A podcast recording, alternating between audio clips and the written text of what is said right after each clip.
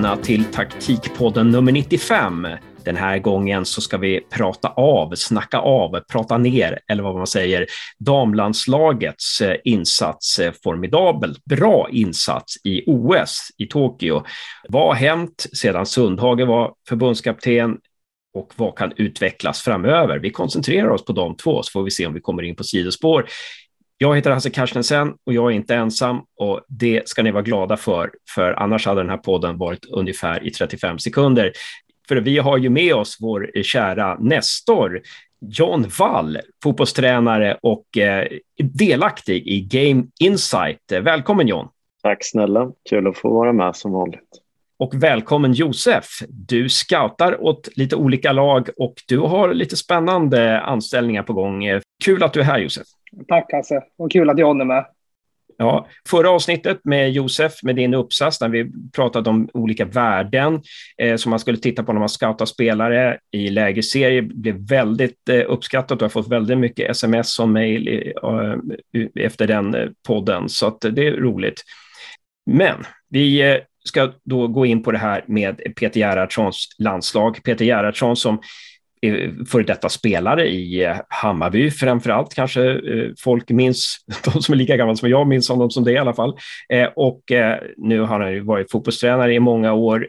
Han la ju en grund i Häcken som Häcken jobbar ut efter fortfarande och han har varit några år nu efter Trettes Pia Sundhage som manager i svenska damlandslaget.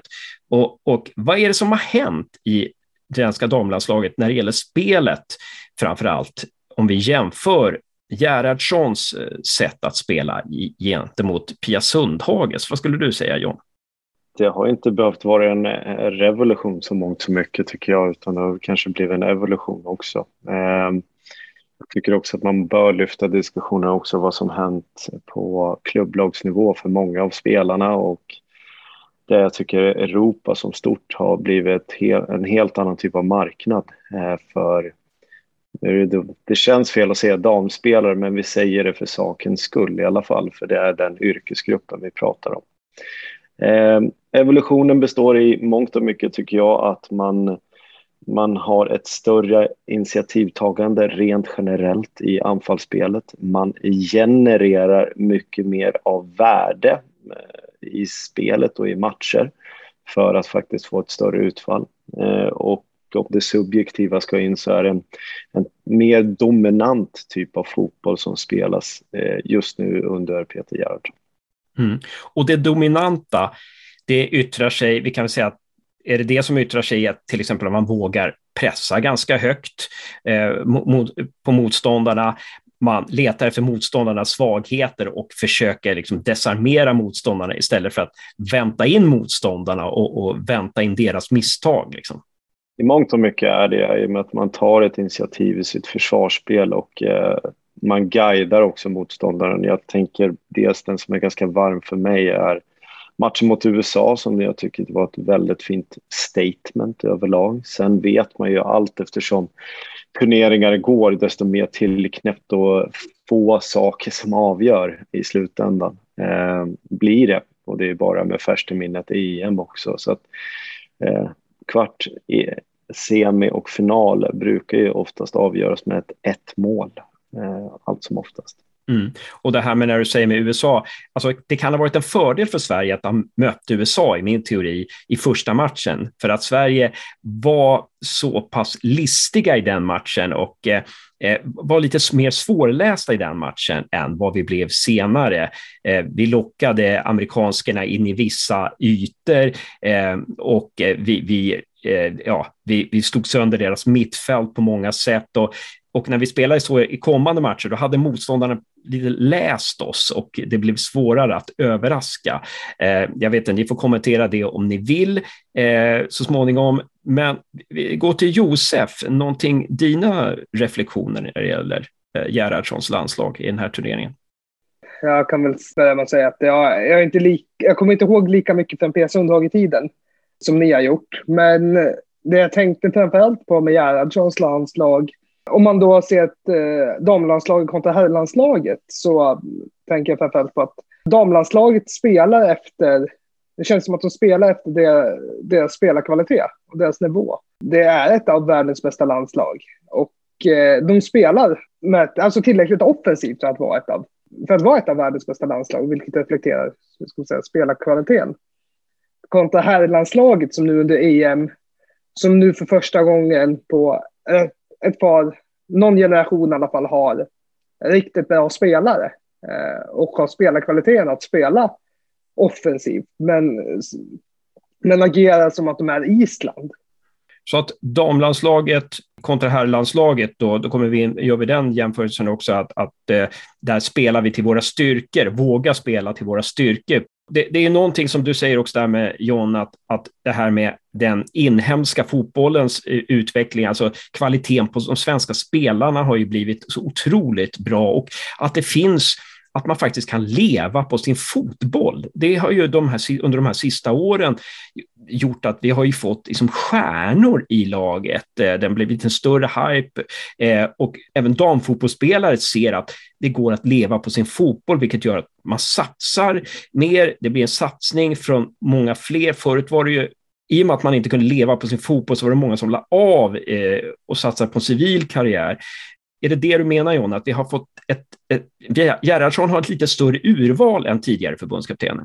Det har han förvisso, men jag tänker eh, det blir nästan det därför jag säger Europa i, eh, i stort. Eh, för USAs damlandslag, om vi tar den variabeln och jämför med, för det skapar lite utrymme.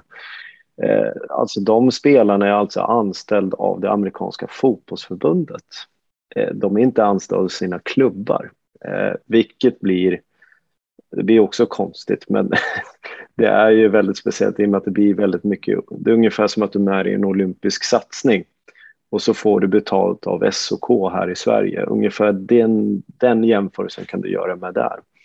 Men det, det är också någonting som är väldigt särdeles speciellt för USA. Med att eh, MLS då äger, eh, då äger ligan spelarna, det är inte klubbarna. Eh, det är ett, eh, ett extremt kommunistiskt system i det mest kapitalistiska landet i världen, men det är en helt annan diskussion. Men det innebär ju också att konkurrensutsattheten för den här truppen för USAs del är inte så stor. För det jag jämför med är just att USA har dominerat damfotbollen över så pass lång tid. Det som en gång har gjort att de har satt sig där kanske är det som också kommer fälla dem till slut kontra då i Europa då klubbar, då vi kan titta på svenska landslag, vilka klubbadresser har spelarna? Real Madrid, vi har Barcelona, vi har eh, Chelsea, vi har etc. Everton och så vidare och så vidare, alltså kommande. Självklart har man gått genom damallsvenskan, men damallsvenskan kommer bli en utvecklingsliga ganska övertygad om det. Eh, och då har ju också transfersummor börjat eh, komma till liv här även i damfotbollen. Vilket gör att det jämnar ut spelmarknaden lite grann utifrån intresse och även för att ju mer kapital som kommer in så kommer det också att kvaliteten blir bättre.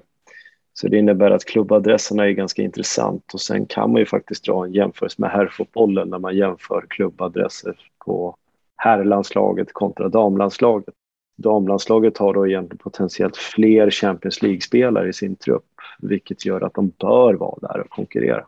Men det är det bästa normativa värdet man egentligen kan ha för att hur framgångsrikt du även ska vara på landslagsnivå. Ja, det där är jätteintressant. jätteintressant. man märker bara i Storbritannien där, alltså där jag, när jag pratade med engelska fotbollsintresserade för fem år sedan, så, så, så, så fnös man nästan när jag pratade om damfotboll. Eh, nu, är, nu nämns det ju mer respekt. Det, det, det tycker jag är jäkla kul alltså. Men om vi ska då komma in på det här, vad kan utvecklas? Vad kan vi bli bättre på? Man, man kan väl säga det att vi, ja, vi slår Australien med 1-0 och vi gör ett mål i finalen. Så på de sista 180 minuterna plus tillägg eh, i 30 minuter så gör vi alltså två mål. Är det någonting, är det där man ska leta? Att, eh, hur vi ytterligare kan utveckla offensiven? Eh, vad säger ni? Hur man värderar Peter och Magnus Wickman och hela tränarteamet är stort, för det är ju inte en one man show, men det är lätt att det blir det så är det egentligen det de ser till, det de är tillsatt för, det är för att generera sådana saker som du pratar om, alltså målchanser. Annars är det då fel på metoden. Sen får man också värdera tiden de har för det. Men den universalt viktigaste benchmarken man kan titta på som skiljer alla nivåer åt och vad som egentligen agnarna från vetet om man vill säga så. Det är egentligen antalet producerade målchanser, alltså XG, och hur man förvaltar dem. Spelare på högre nivå, oavsett kön, som är bättre behöver mindre chanser för att göra mål konsekvent. Och det gäller unisont på alla typer av nivåer. Och det är könslöst, vilket är fantastiskt tycker jag. Du behöver inte förtäcka dig i det. Utan jag tycker det handlar om den enskilda delen, def som off. Och det är den då andra sidan, i alla typer av evolutioner så måste du få mer av någonting innan du börjar liksom kunna förvalta och utföra det. Så jag tycker att man har slagit pendeln till att man genererar mer nu än kontra Sundhage. Och det innebär ju också det på grund av metod och spelare och så vidare. Va? Men den delen är en utvecklingsfråga. Men det är ju inte någonting som är bara en enskild damfråga utan det är ju en svensk fotbollsfråga tycker jag. Så generellt menar du att man ska eh, generera mer målchanser? Men menar du att man ska generera mer högkvalitativa, alltså XG-chanser eller bara fler XG-chanser för att spelarna är så pass skickliga att de, bor, alltså, att de inte behöver lika en hög procentuell målchans? Nu är det ett antagande för mig. Här kommer säkert en person i Uppsala vara väldigt här mot mig. Eh, eh, sådär. Men i alla processer så handlar det ibland om att du måste utöka volymen först innan du börjar få kvalitativa att funka. Med andra ord, öka antalet skott, antalet sådär, för att sen kunna få ett, få, genererar du 20 eh, skott i boxen per match så borde det till slut tippa till din fördel. Det är väl lagen om all sannolikhet. Men där i vill jag mena, nu tar jag en herrliknelse men det blir ganska greppbart. Lewandowski kanske bara behöver en 0,2 XG för att det ska bli mål kontra en sämre spelare behöver en 0,8. Hänger du med? 80 procent i målchans kontra 20.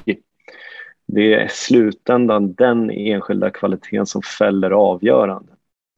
Och det är där också jag tycker att ju lägre ner du går i divisionstillhörigheten och även landslag, men landslag kontra landslag. Eh, det är där mycket skiljer sig. Mm. Behöver du så här mycket för att göra mål, ja då kommer det ju vara tufft. Men är du där ofta och mycket, då blir det ju en vanesak. Jo, och sen är det också som du var inne på i en, i en bisats, John, att landslag har ju mycket mindre tid än klubblag. Och som jag varit inne på flera gånger i taktikpodden, ska man se bra fotboll ska man inte se landslagsfotboll. Eh, men, men, men eh, det, man, det man kan tänka sig är att både här och damlandslaget kanske behöver eh, komma in i de ytor där det, där det skapas hundraprocentiga målchanser. De existerar ju inte. Nej, just det. Ah, okay. Sorry, Backe. Ja, men vad, vad, är det, nej, okay. vad är det David Sumter kallar det för någonting? Eh, när, när man har en, en väldigt bra målchans, vad, vad är det? Han har ju ett ord för det. Um, clear cut chances. Måste det ja, kanske var clear cut chances det bollinnehav som, som svenska landslaget hade på, i semifinal och final eh, kändes som att eh, vi, vi fastnade väldigt mycket eh, i skott utifrån till exempel. Att vi, vi, det, vi, ja, vi, nu, slu, nu börjar vi chansa eh, istället för att, eh, eh, att vi sökte vissa ytor och sökte vissa löpningar och, och, och så. Eh, Å andra sidan mötte vi ju ett landslag som spelade precis som Sverige brukar spela, ett landslag som krympte ytor och, och eh, gjorde det väldigt svårt för oss att ta, ta oss in i boxen där. Så att, eh, eh ja, de, de, som har mött Gävle under Pelle Olsson eh, kände nog igen sig lite där. Även om det där uppstår och det är lätt att dra antagande, OS är väldigt få matcher återigen. Jag tycker man ska välkomna problemen av att vara en dominant nation istället för att fly undan dem och mer folk som vill dra en tillbaka där man en gång var för att ja, det är enklare och det är mindre och du möter färre spelare. Absolut, men i slutändan så tror jag, tycker jag att antag att det finns så extremt mycket att ta på som är bra utifrån spelets alla skeenden, alla faser. Eh, så tror jag är att hur är vi som en dominant nation när motståndaren gör så här? Det är stora frågor som i slutändan måste liksom perkulera ner till plan. Hur genomför spelarna det och lever med det? Och inte ser det som en nackdel. Eh, och sen att man lätt, det är inte, jag upplever inte det som panik, men en del av strategin är att ta skott utifrån för att få en andra boll och en tredje bollsituation. Precis, det, det är faktiskt en del. Men jag tror att här måste man gå den vägen till mötes och betala priset för det. Backa inte från det, utan jag applåderar det här initiativet som har tagits och har gjorts under lång tid också. Se inte Kanadas sätt att spela fotboll som en, den vinnande modellen, utan håll fast vid den modell vi har, vi, den, den väg vi är inne på och eh, utveckla den helt enkelt. Alla modeller har sina brister för att förenkla verkligheten, men i slutändan så tror jag det handlar om att betala priset, återigen, men att inte lyssna på vinnarens sång och ta den som de facto sanning. Precis. Eh, väldigt bra sagt. Stort tack för att ni var med i Taktikpodden 95, eh, Josef och John. Tack så mycket. Ja, det är alltid roligt. Thank